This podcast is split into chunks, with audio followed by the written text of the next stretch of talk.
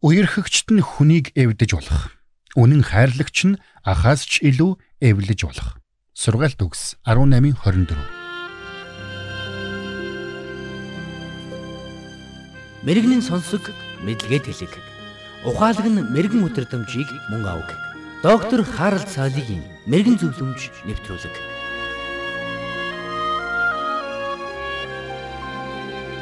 Хүндэт ноён саала. Би дөнгөж 20 гаруйхан настай боловч Хүмүүстэй найз нөхөр болж өрөөсөө чадахгүй юм. Үүнээсээ болоод би маш их ганцаарддаг. Би яах ёстой вэ хэмээн нэгэн сонсогч маань бичсэн байна.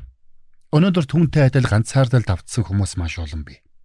Тэд хүмүүстэй уулзаж, инээж хөхөрч, гаднаа юу ч болоогүй юм шиг явдагч дотроо бол би энд юу хийж байна вэ? Би энэ хүмүүстэй огт нийцэхгүй штэ гэсэн бодлуудыг тээж байдаг. Амьдралд олон зүйл биднээс шалтгаалдаггүй. Бид эцэгийнхээ сонгож ирээгүй. Бид гадаад дүр төрхөө сонгож мэдлээгүй. Бид хаан төрхөөж сонгоогүй. Бид цаг агаарыг өөрчилж чадахгүй. Бидний хийж чадахгүй зүйл энэ дэлхий дээр маш олон бий.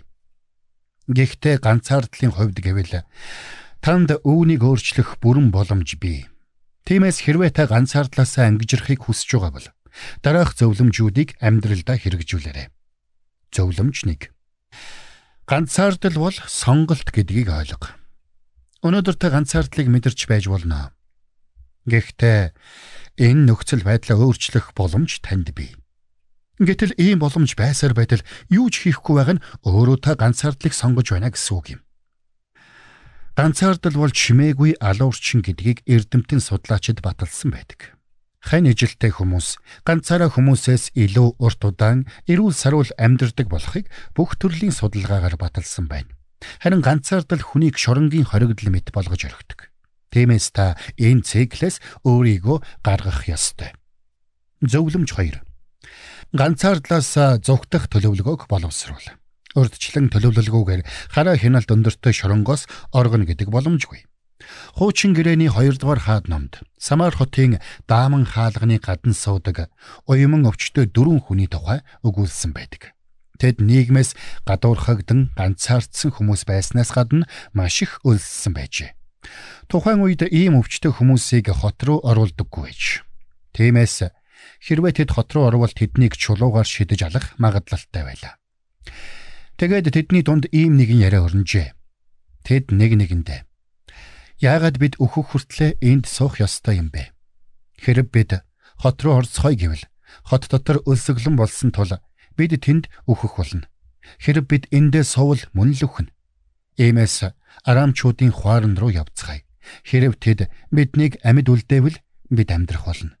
Хэрэг тэд биднийг албал бид үхэх л болно. гэлцэв. 2 дугаар хаад 7-гийн 3-аас 4. Таны хувьд энэ дөрвөн уйман өвчтөй хүнтэй адил алдах зүйл огт байхгүй юм. Ганцаардлынхаа шоронгоос гадагш гараад үз. Цуглаанда эргэж оч. Жижиг бүлэгт хамрагд. Чуулганда, сургуульда, эсвэл орон нутгийн эмнэлэгт сайн дураар үйлчил.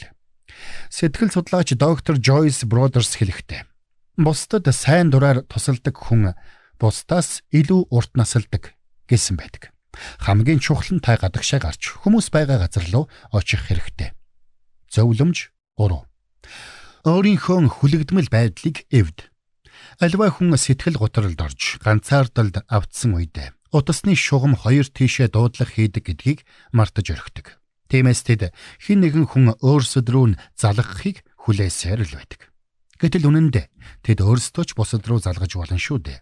Тэд бусад руу утсаар ярьж, найзалж, нөхөрлөж, харилцаа холбоо үүсгэж чадна гэдгээ мартаж орхисон байдаг.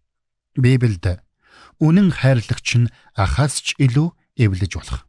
Сургаалт үгс 18:24 гэсэн байдаг шүү дээ. Та ах дүүсээс ч илүү додн амт нөхөдтэй болох боломжтой гэдгийг бид хэмартаарай. Зөвлөмж 4.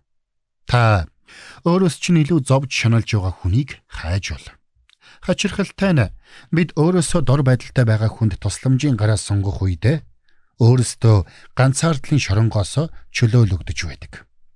Манай гэрийн ойролцоо дан тэтгэврт гарсан ахмад настнууд амьдардаг маш том хотхон байдаг юм. Тэр хотхны дэрэгдэх хүнсний дэлгүүрийн худалдагч нэг удаа надад Эндхийн ихэнх хөгшчүүл багсагхан хүнс авах гэж манайд өдөр бүр ирдэг юм. Уг нь тэд хүнсээ их хэмжээгээр нь авч чадахч тэгдэггүй. Магадгүй тэдэнд өдөр бүр хэн нэгэнтэй ярилцах нь сайхан санагддаг байх л да хэмээн хэлж байсныг би санаж байна. Зөвлөмж 5. Есүсийг анд нөхрөө болго. Ганцаардал бол халдварт өвчин биш. Гэхдээ л үүнийг эмчлэх хэрэгтэй. Харин үүнийг эмчлэх хамгийн сайн ерөндөг бол Есүс Христ гэдгийг та битгий мартаарай.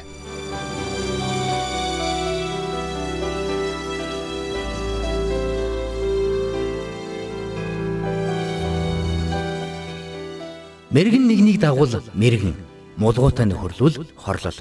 Доктор Харалт цайлигийн мэрэгэн зөвлөмж нэвтрүүлэг танд хүрэлээ.